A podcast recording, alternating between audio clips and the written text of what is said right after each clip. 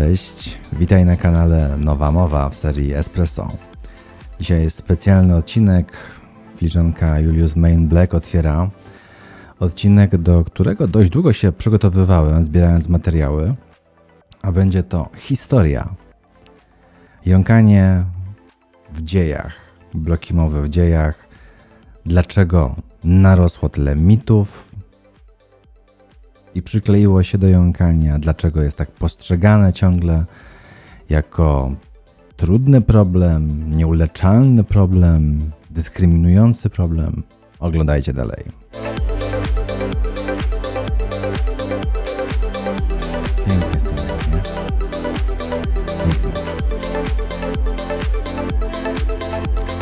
Na początek cofamy się daleko, daleko rok 1200 przed naszą erą. I gdzie szukać pierwszych wzmianek o jąkaniu?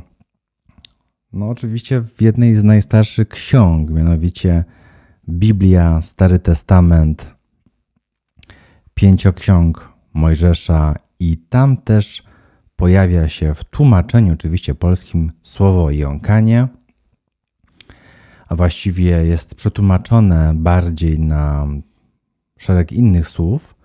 I pierwszy cytat, który omawia problem z mową, brzmi tak. Księga Wyjścia, rozdział 4:10.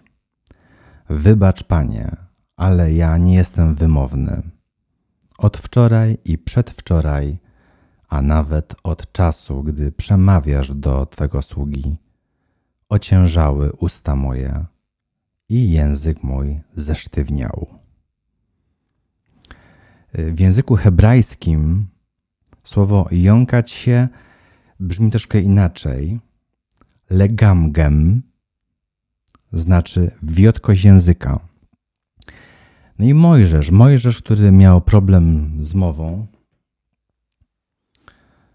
Skąd w ogóle wzięło się u Mojżesza jąkanie? Patrząc na jego przygody życiowe i właściwie doświadczenia, które go spotkały, trudno się dziwić. Dzisiaj mamy wiedzę, że jąkanie, bloki mowy powstają z sytuacji traumatycznych. U Mojżesza ich nie brakowało. Już na samym początku zostaje oddany innej matce, bo jego matka wkłada go do koszyka, wypuszcza w Nil i rodzina faraona przejmuje go i właściwie y, przejmuje nad nim opiekę. I tak wszystkie następne czasy Mojżesza już są bez jego biologicznej matki, ale to nie wszystko. W tym czasie też pojawiają się hieroglify egipskie. Opisuje to Wingate w swojej książce Stammering Short History. Hieroglify, które opisują właściwie wyznaczają te symbole problemów z mową i one są zbieżne rocznikowo z czasami Mojżesza, więc Mojżesz jako osoba, która wychowywała się wśród królów, wśród faraonów, doczekała się hieroglifów. Tylko osoby, które znaczyły coś, mogły sobie pozwolić, że ktoś o nich pisał czy gdzieś malował. No i później wszystkie następstwa, wszystkie traumy, które spotkały Mojżesza, na przykład gorzejący krzew. Mojżesz idzie na pustyni, naraz buch, krzew wybucha, jeszcze głos Boga, jak tu nie mieć traumy. Dalej siedem plag. Woda zamienia się w krew, szarańcza, śmierć. No i to wszystko gdzieś się zbiera, zbiera, i dlaczegoż też Mojżesz nie miałby mieć problemów z mową. Ale Bóg to przewidział, bo to nie chodziło o to, że zaskoczył się tym. Później tym cytatem próbuje negocjować, że jak on ma przemawiać do Izraelitów, w ogóle wyprowadzić ich z Egiptu, przecież tam trzeba mówić i się wysławiać. Ale też na to Bóg ma odpowiedź: Masz brata Aarona, on będzie mówił za ciebie. I to pierwsze wzmianki, zobaczcie, 1200 lat przed naszą erą. Kilka lat później, około rok tysięczny przed naszą erą, Sparta. Spartanie cechowali się taką czystością swojej rasy, swojego narodu, więc nie było miejsca na żadne dolegliwości, choroby, jakieś niedołężności ludzi i każdy, kto w czymś nie domagał, po prostu był usuwany, najczęściej strącany ze skały, zabijany, krótko mówiąc. Więc osoby, które jąkały się tak widocznie czy blokowały, były uznawane za ciężko chore i po prostu takich się pozbywano. Wręcz żołnierze spartańscy wyrywali matką dzieci na siłę i wiadomo, jak to się kończyło. I kolejna wzmianka również z Biblii. Rok 700 przed naszą erą i prorok Izajasz. Izajasz bardzo konkretnie traktował przyszłość Izraelitów, y, więc te wszystkie jego rady, nakazy brzmiały bardzo dosłownie i również są wzmianki o jąkaniu. I tak, rozdział 28:11 brzmi tak. Zaprawdę wargami jąkałów i językiem obcym przemawiać będzie do tego narodu. Cóż to znaczyło? Izajasz ma tu na myśli, że jeśli Izraelici się nie zmienią, jeśli nie uwierzą w Boga, będą słuchali albo kogoś w obcym języku i go nie zrozumieją, albo będą słuchali jąkałów, co oznaczało, że też nie zrozumieją. To miała być kara za to, że są nieposłuszni. Tak wychowuje się do dzisiaj w systemie żydowskim, że jeśli w obecnej sytuacji, jak masz coś łatwo podane i tego nie słuchasz, to ci to utrudnimy i będziesz miał dwa razy trudniej, bo przydzielimy ci na przykład nauczyciela, który mówi w obcym języku. Więc Izajasz przestrzega przed komunikatami jąkałów. Ale również Izajasz pisze z kolei y, w innym wersie: Serca nierozważnych zrozumieją wiedzę, a język jąkałów przemówi wyraźnie. I tu znowu nadzieja, że jeśli się zmienicie i posłuchacie Boga, to to jest tak wielka siła, że nawet rozwiąże język jąkałów. I pojawia się to jąkanie. Zwróćcie uwagę, że nieprzypadkowo to, co jest napisane w Biblii, nie ma przypadków. Te jąkanie, te wady, te problemy z mową były tak istotne i tak obciążające człowieka, że Izajasz powołuje się na nie, że na przykład będzie wam ciężko słuchać jąkałów, albo że usta jąkałów się rozwiążą. Jaki to musiał być istotny problem. Z kolei w języku greckim jest użyte słowo felizji i tak w księdze Izajasza w tłumaczeniu greckim felizji oznacza słabnący w mowie. Jeszcze wtedy nie ma użytych słów takich jak jąkanie. Zawsze jest to połączenie jakichś słów albo wiotkość języka, albo słabnąć w mowie. Takimi pojęciami się operuje dopiero w późniejszych latach ma to swoją nazwę, na przykład jąkanie. I przechodzimy do antyku, rok 420 przed naszą erą i Hipokrates, najsławniejszy lekarz antyku, który zajmował się różnymi chorobami, różnymi problemami zdrowotnymi człowieka. No i również e, w swoich zapiskach odniósł się do jąkania. Stwierdził, że to, że człowiek się jąka, jest wynikiem biegunki. Czyli coś jest nie tak w jego jelitach, źle trawi, a przez to, że źle trawi, może źle się odżywia, ma biegunki i też jąkanie. Ale też za przyczyny jąkania należy uznać żylaki, suchość języka i zbyt niską temperaturę. Jako, że Hipokrates żył w Grecji, gdzie na co dzień jest raczej ciepło, to jeśli ktoś z jakiegoś przypadku był wyziębiony, no to idealnie się to jąkanie komponowało. Chociaż nie powinien być, nie powinno być mu zimno.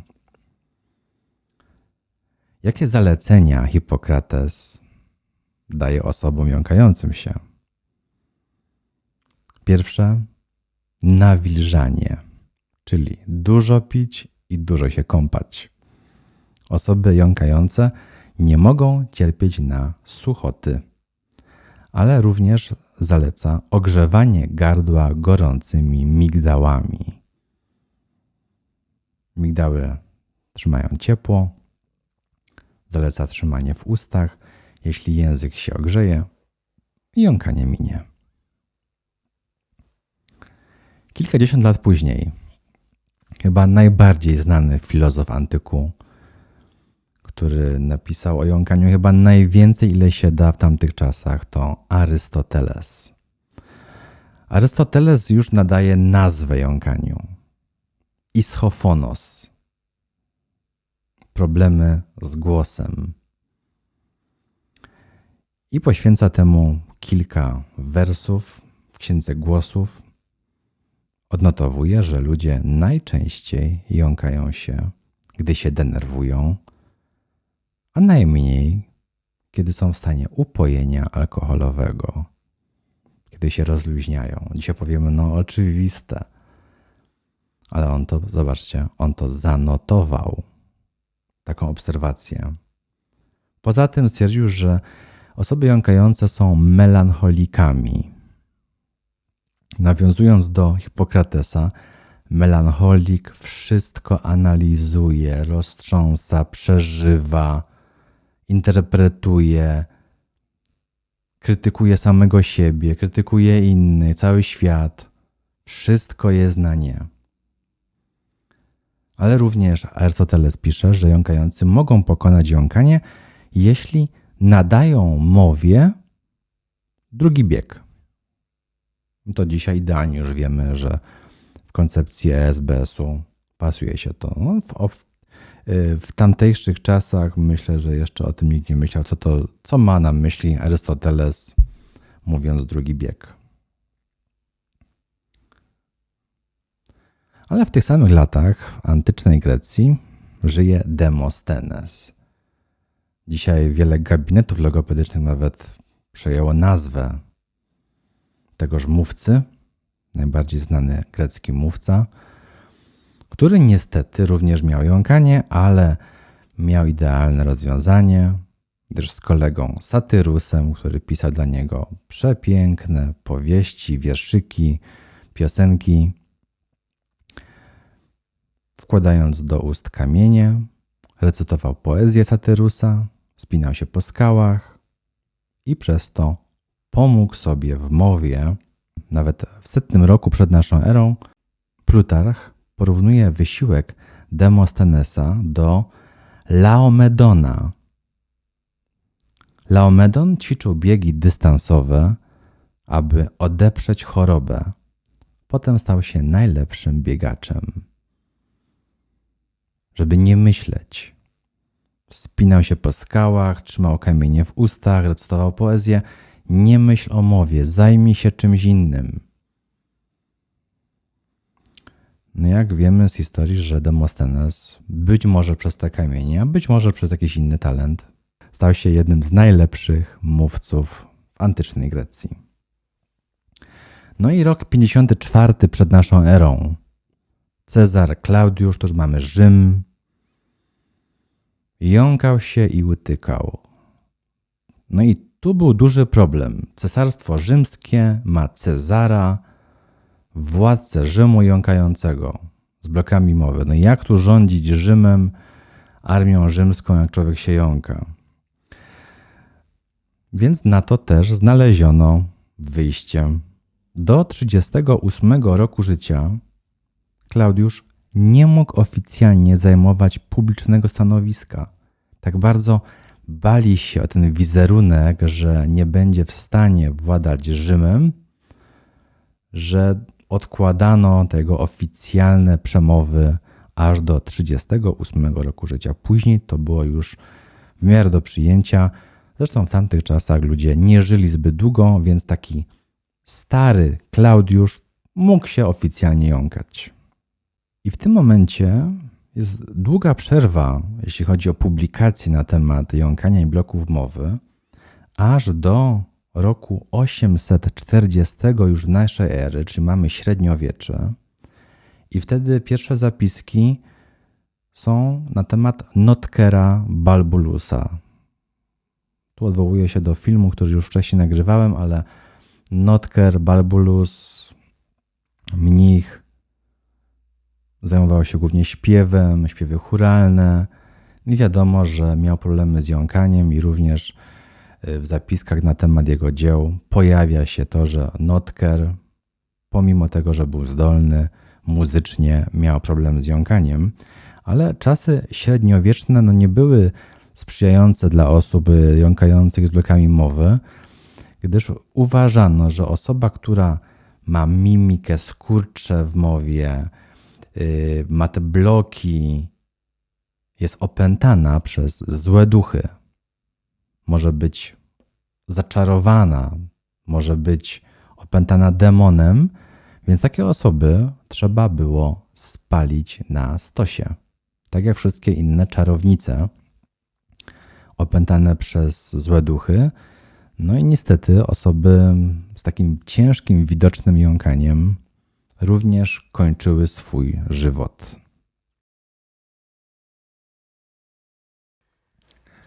Na drugiej półkuli również zaobserwowano jąkanie i pisarz Bernardino de Sahagún w swoich książkach pisze o tym, że posłuchajcie, jąkanie się dzieci wynika z tego, że już jako dorosłe wysysają mleko od swoich matek.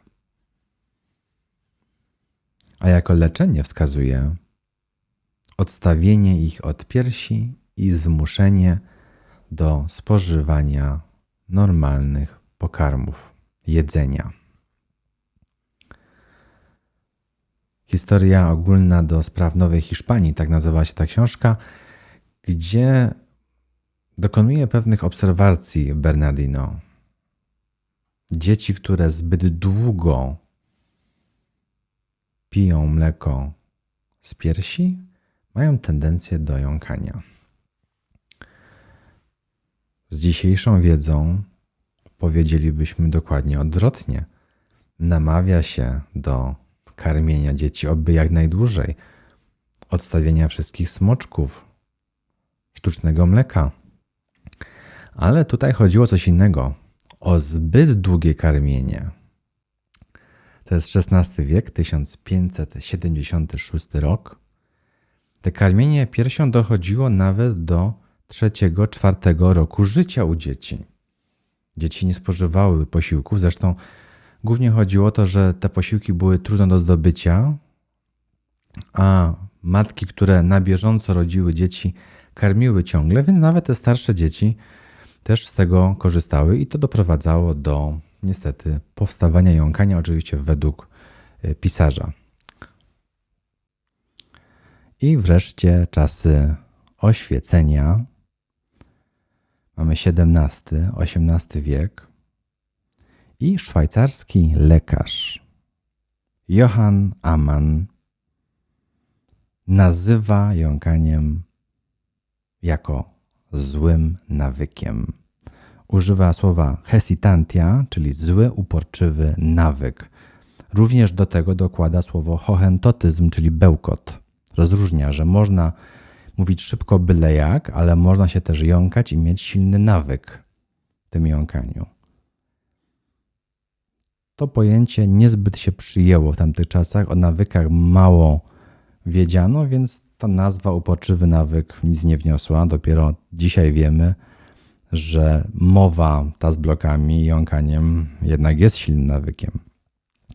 Ale również doszukiwał się przyczyn w złej budowie języka, że przez to może ten język jest nie tak wyćwiczony, zbudowany i on wygenerował ten zły nawyk. Rok 1584 Groscesi, Frankofurti, Włosi uważają, że przyczyną jąkania jest przede wszystkim wilgoć i zimno.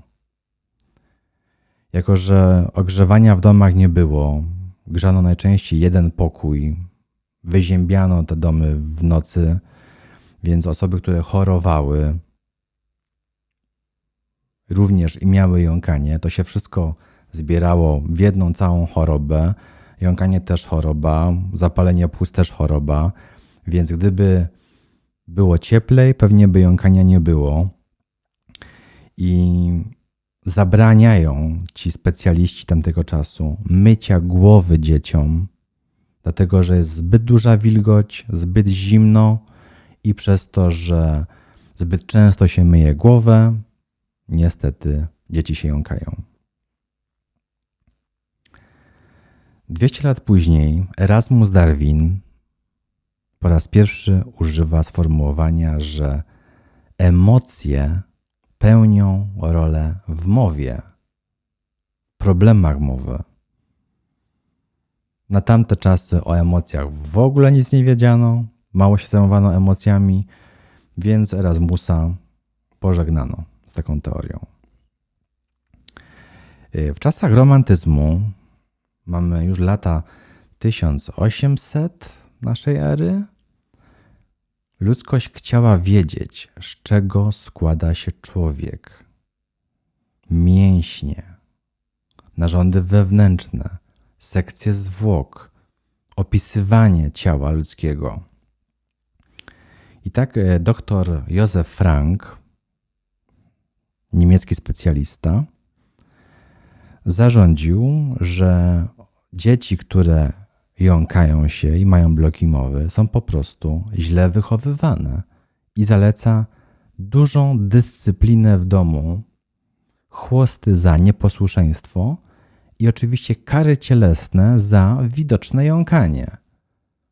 Czyli po prostu bito dzieci, jeśli zauważono, że dziecko się jąka. XIX wiek to duży postęp w nauce. Doktor Johann Diefenbach, niemiecki chirurg, również chcąc pomóc jąkającym, odwołuje się gdzieś do przeszłości, do pism Arystotelesa i skłania się jednak, żeby skorygować język. Skoro to język wytwarza mowę, to u jąkających prawdopodobnie źle wytwarza, są błędy w mowie, więc trzeba go może zoperować, może skrócić węzidełko, może wyciąć kawałek języka i przeprowadza operację na języku bez anestezjologii na żywo, wycinając fragmenty języka. Oczywiście przez to doprowadza albo do jeszcze większych traum, albo niejednokrotnie do śmierci. No niestety ten czas nie był zbyt chlubny, ale kilkadziesiąt lat później, już 1925, to już y, znacie z historii o królu Jerzym, pojawiają się terapie. Lionel Locke przyjeżdża do Londynu z Australii i ogłasza się, że jest terapeutą mowy. Wcale nie jest logopedą, ale że kiedyś uczył poprawnie mówić, uczył dykcji, więc chętnie pomoże. I Znacie historię o królu Jerzym, że po kilkunastu próbach swoich królewskich logopedów, najlepszych oczywiście na całym świecie ówczesnym, przecież Brytania panowała światem, niestety nie pozbywa się jąkania, ale odszukał Lionela, który pomógł mu na przykład podczas ceremonii przysięgi królewskiej. W tym samym roku, 1925, w Polsce ksiądz Wilczewski wymyślił niesamowity sposób terapii dla jąkających. Stwierdził, że trzeba odizolować osoby jąkające od świata, w którym żyją i uczyć ich prawidłowego mówienia w obecności osoby, która również mówi prawidłowo i wyznaczył dokładnie sesje terapeutyczne, Powinno się robić 6 sesji dziennie, po 15 minut, później ileś przerwy. I tak człowiek przez kilka miesięcy byciu takiej samotności ograniczonej miał zapomnieć o jąkaniu. Od rozpoczęcia terapii pacjent nie mógł mówić, a jeśli chciał coś skomunikować, mógł to robić tylko szeptem. No i nazwa jąkanie w Polsce pojawia się dopiero w 1927 roku, kiedy w słowniku etymologii Bricknera jest wyjaśnione, że jąkanie to połączenie gdzieś transformacja słów od jęczenia, od zwierząt, że dźwięki jąkałów przypominają jęczenie. I tak to zespolenie, no niestety trwa do dzisiaj, że te jękały, jąkały od jąkania trwa do dzisiaj. Oczywiście w języku rosyjskim mamy też podobnie zaikanie. I przenosimy się w rok 1947. Bardzo ważna data, szczególnie dla polskich szkół, dlatego że Bogdan Dylewski z Wilna wprowadza zajęcia logopedyczne w szkołach. Dzieci powinny dobrze wymawiać polskie słowa. Wiecie, że język polski wcale nie należy do łatwych języków logopedycznie, więc tych problemów z wymową było dużo i również wspomagał osoby jąkające się.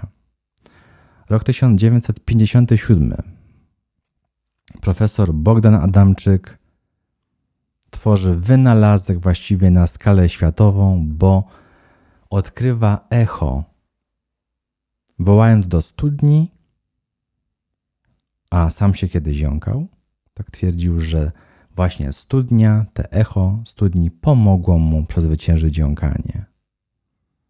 I tak powstały pierwsze echokorektory, później elektroniczne, gdzie osoba mogła słyszeć swój głos opóźnieniem. Do dzisiaj one są stosowane przez wielu specjalistów, wkładając oczywiście już miniaturkowy mikrofon y, z głośniczkiem, który powtarza z pewnym opóźnieniem, który powtarza z pewnym opóźnieniem, czasami nawet z transpozycją, obniżeniem głosu.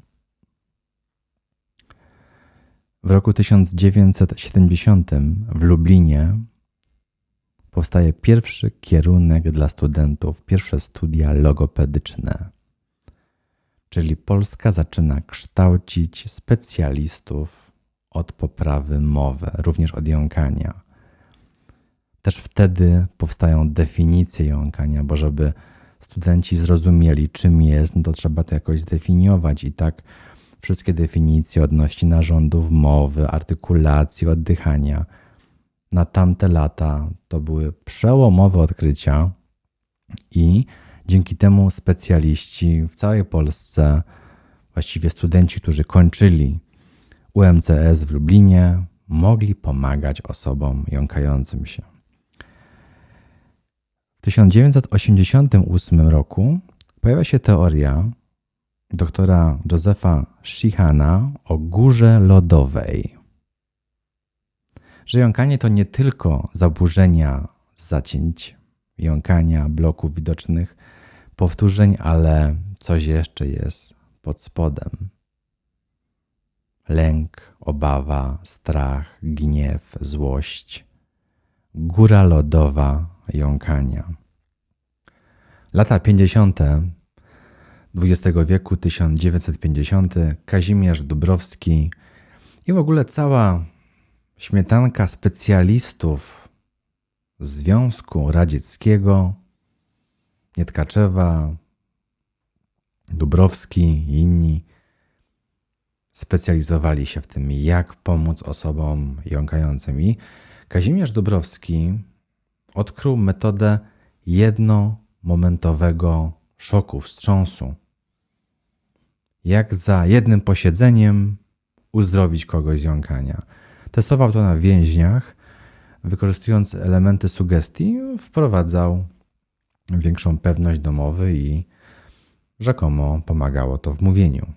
Też jego uczennica, późniejsza profesor Arutunian, skorzystała z tych obserwacji i to udowodniło jej, że osoby jąkające mogą mówić płynnie. Również uczennica Nietkaczewa, która się specjalizowała też w terapii dla jąkających, odkryła, że bardzo ważne jest, żeby edukować osoby jąkające w społeczeństwie. Prowadziła tę socjoterapię, czyli nie tylko ćwiczenia, ale wyjścia do ludzi, komunikowanie się z innymi i w ogóle poznawanie tego świata komunikacji. Rok 1993 Lilia Arutunian odkrywa bardzo ważną prawdę, że jąkanie można wyleczyć. Jeszcze wcześniej uznawane za chorobę, do dzisiaj zresztą w niektórych otoczeniach kręgach tak jest, ale stwierdziła, można je wyleczyć całkowicie i odkrywa swoją metodę, właśnie patentuje ją jako metodę trwałej normalizacji mowy. Twierdzi, że człowiek jąkający jest w takim stanie patologicznym mowy, zresztą bazuje na badaniach też rosyjskiej uczonej Bietterowej. I ten stan patologiczny jest tak silny i tak samo podtrzymujący się, że nie ma żadnej opcji, żeby go zmienić, poprawić, skorygować, trzeba go wymienić. Również obrazuje to na przykładzie tak zwanego drzewa jąkania, który swoimi korzeniami, jakimi są niepokój, ukrywanie jąkania, widoczne zacięcia, kwitnie poziomem lęków, całej osobowości patologicznej i tak dalej, i tak dalej. Więc takowe drzewo, twierdzi, trzeba ściąć. Stan patologiczny wyłączyć i nauczyć się od nowa mówić i tak wprowadza do mowy element synchronizacji, synchronizacji dłonią, elementy relaksacji i rzeczywiście okazuje się, że to działa. Nawet pojedynczą sylabą w pewnych sekwencjach można się spokojnie komunikować i dzięki tej technice sam odkryłem, co to znaczy osiągnąć spokój i pewność w mowie. Brawa dla profesora Altunian. Rok 1997. Profesor Zbigniew Tarkowski wydaje książkę o jąkaniu i tam dokładnie mierzy wszystkie te symptomy jąkania. Ile trwa zacięcie, ile przedłużenie, ile trwają przerwy. Według obliczeń później wychodzą pewne wzory. Ciekawa książka w takim spojrzeniu czysto matematycznym na spojrzenie jąkania, tych symptomów warto poczytać. Rok 2000 i pierwszy raz użycie pojęcia nowa mowa w programie telewizyjnym, w czasach, gdzie programów telewizji nie było zbyt dużo, więc taki program, jak już był jeszcze emitowany w sobotę wieczorem, naprawdę był w czasie bardzo dużej oglądalności i tam miałem okazję zupełnie przypadkowo się pojawić i swoją nową mowę przetestować. Też użyłem nazwy, że to jest właśnie moja nowa mowa. No i tak to pojęcie szło, szło i szło. I do dzisiaj jest. Yy, I to był początek właściwie, że coraz więcej osób w Polsce usłyszało, że może być coś takiego jak nowa mowa. Rok 2002. No i pierwsza strona internetowa o tym, że jąkanie można skutecznie pokonać. Wtedy jeszcze o blokach mowy mało się mówiło, ale jąkanie tak, wszystkie te symptomy, drzewo jąkania. I właściwie to była pierwsza strona w Polsce, która informowała, że wcale nie musisz z tym problemem żyć, że można coś zrobić. Dotychczas y, była strona już nie pamiętam którego uniwersytetu, gdzie pisało jednoznacznie jąkanie jest chorobą nieuleczalną i kto je ma, kto już tak losem został tym niesłusznym obdarzony, to będzie tak do końca życia musiał wytrwać. Więc internet okazuje się dużo zmienił. Od tego czasu regularnie właściwie osoby rozpoczynają treningi swojej nowej mowy. Rok 2014, bardzo ważny rok i odkrycie, udokumentowanie całej i teorii, ale też zasady działania ESBS, czyli Zespołu Emocjonalnych Bloków Mowy, konferencja międzynarodowa i cały zespół badawczy, Maciek Wolny, Sonia Szramek-Karcz i ja dokumentujemy działanie ESBS-u, który wiemy już dzisiaj, że jest stałym kanałem mowy, tym zepsutym kanałem mowy, z zaporą i z tym całym obejściem wokół niego. I dla niego rozwiązaniem jest zbudowanie nowego kanału mowy. Już wiemy, że tu się nic nie naprawia, nic się nie redukuje, nic się nie odcina, że się nie prowadzi terapii na ten kanał, ale po prostu się go zamyka. Bardzo ważne odkrycie. I oczywiście dbamy o to, żeby coraz więcej osób wiedziało, czym zespół emocjonalnych bloków mowy jest. W kolejnych latach powstają kanały na YouTube, y, kanały poza nową mową, bardzo znaczące kanały Sylwii, y, Time to Speech, później Malwiny, Joy of Speech, gdzie swoją już nową mową kursantki, użytkowniczki nowej mowy mówią właśnie o działaniu ESBS, ale też mówią, jak się żyje z nową mową i dokumentują swoje największe sukcesy w czasie bardzo emocjonalnych wydarzeń, na przykład wystąpień w telewizji, ale również w zwykłych sytuacjach jak rozmowa ze znajomymi. XXI wiek to również elektronika pomocna osobom jąkającym się. Miniaturyzacja echokorektorów, elektronika, która wpływa na obniżenie tonów mowy głosu, elektronika do analizy i oczywiście serwisy internetowe, na przykład platforma do codziennej analizy mowy, którą wykorzystujemy w szkole nowej mowy, gdzie kursanci codziennie wysyłają próbki swojej nowej mowy z dyktafonów cyfrowych, z telefonów, a trenerzy codziennie analizują poprawność techniki, dzięki czemu można przyspieszyć czas wprowadzania kolejnych poziomów nawet o kilka miesięcy. Dlatego internet, elektronika bardzo przydaje się podczas nauki nowej mowy. I tak myślę, tym odcinkiem trochę Wam przybliżyłem historię jąkania i później bloków mowy, y, dzięki którym myślę, że bardziej zrozumiecie, skąd te wszystkie mity ciągle narastały, dlaczego jeszcze uważa się powszechnie, że jest to choroba i to nieuleczalna.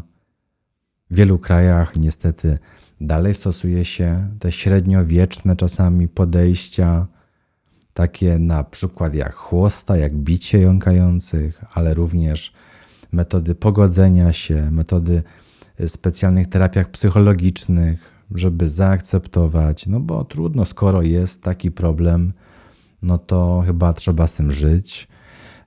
Operacje na językach również się oczywiście wykonuje, podcinając wędzidełka.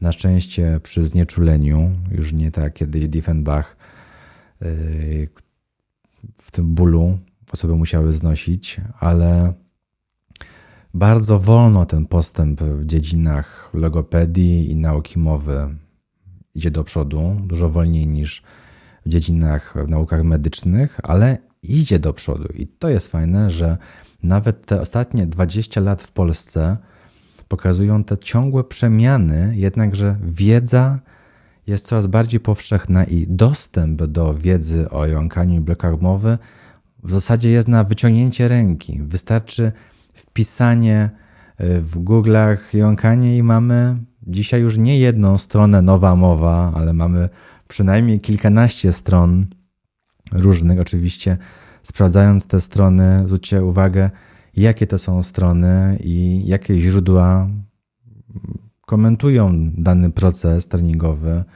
Y, Nawet strony, które podszywają się pod nową mowę, też koniecznie sprawdźcie, czy to właśnie jest nowa mowa, ta oryginalna, a nie tylko jakaś gdzieś może logopedyczna nazwa, jak ktoś sobie chce przywłaszczyć. Więc warto się zainteresować y, i poszukać czegoś więcej. Dziękuję, że byliście ze mną podczas tej serii. Bo już nie espresso dzisiaj, właściwie podwójne espresso, bo kilka tych kaw trzeba było wypić, ale w czarnej filiżance Julius Mail ze złotym akcentem. Dziękuję, że byliście ze mną w tym odcinku i oczywiście zapraszam do oglądania wszystkich kanałów na YouTubie, subskrybowania ich i czekania na kolejne ciekawe filmy. Do zobaczenia.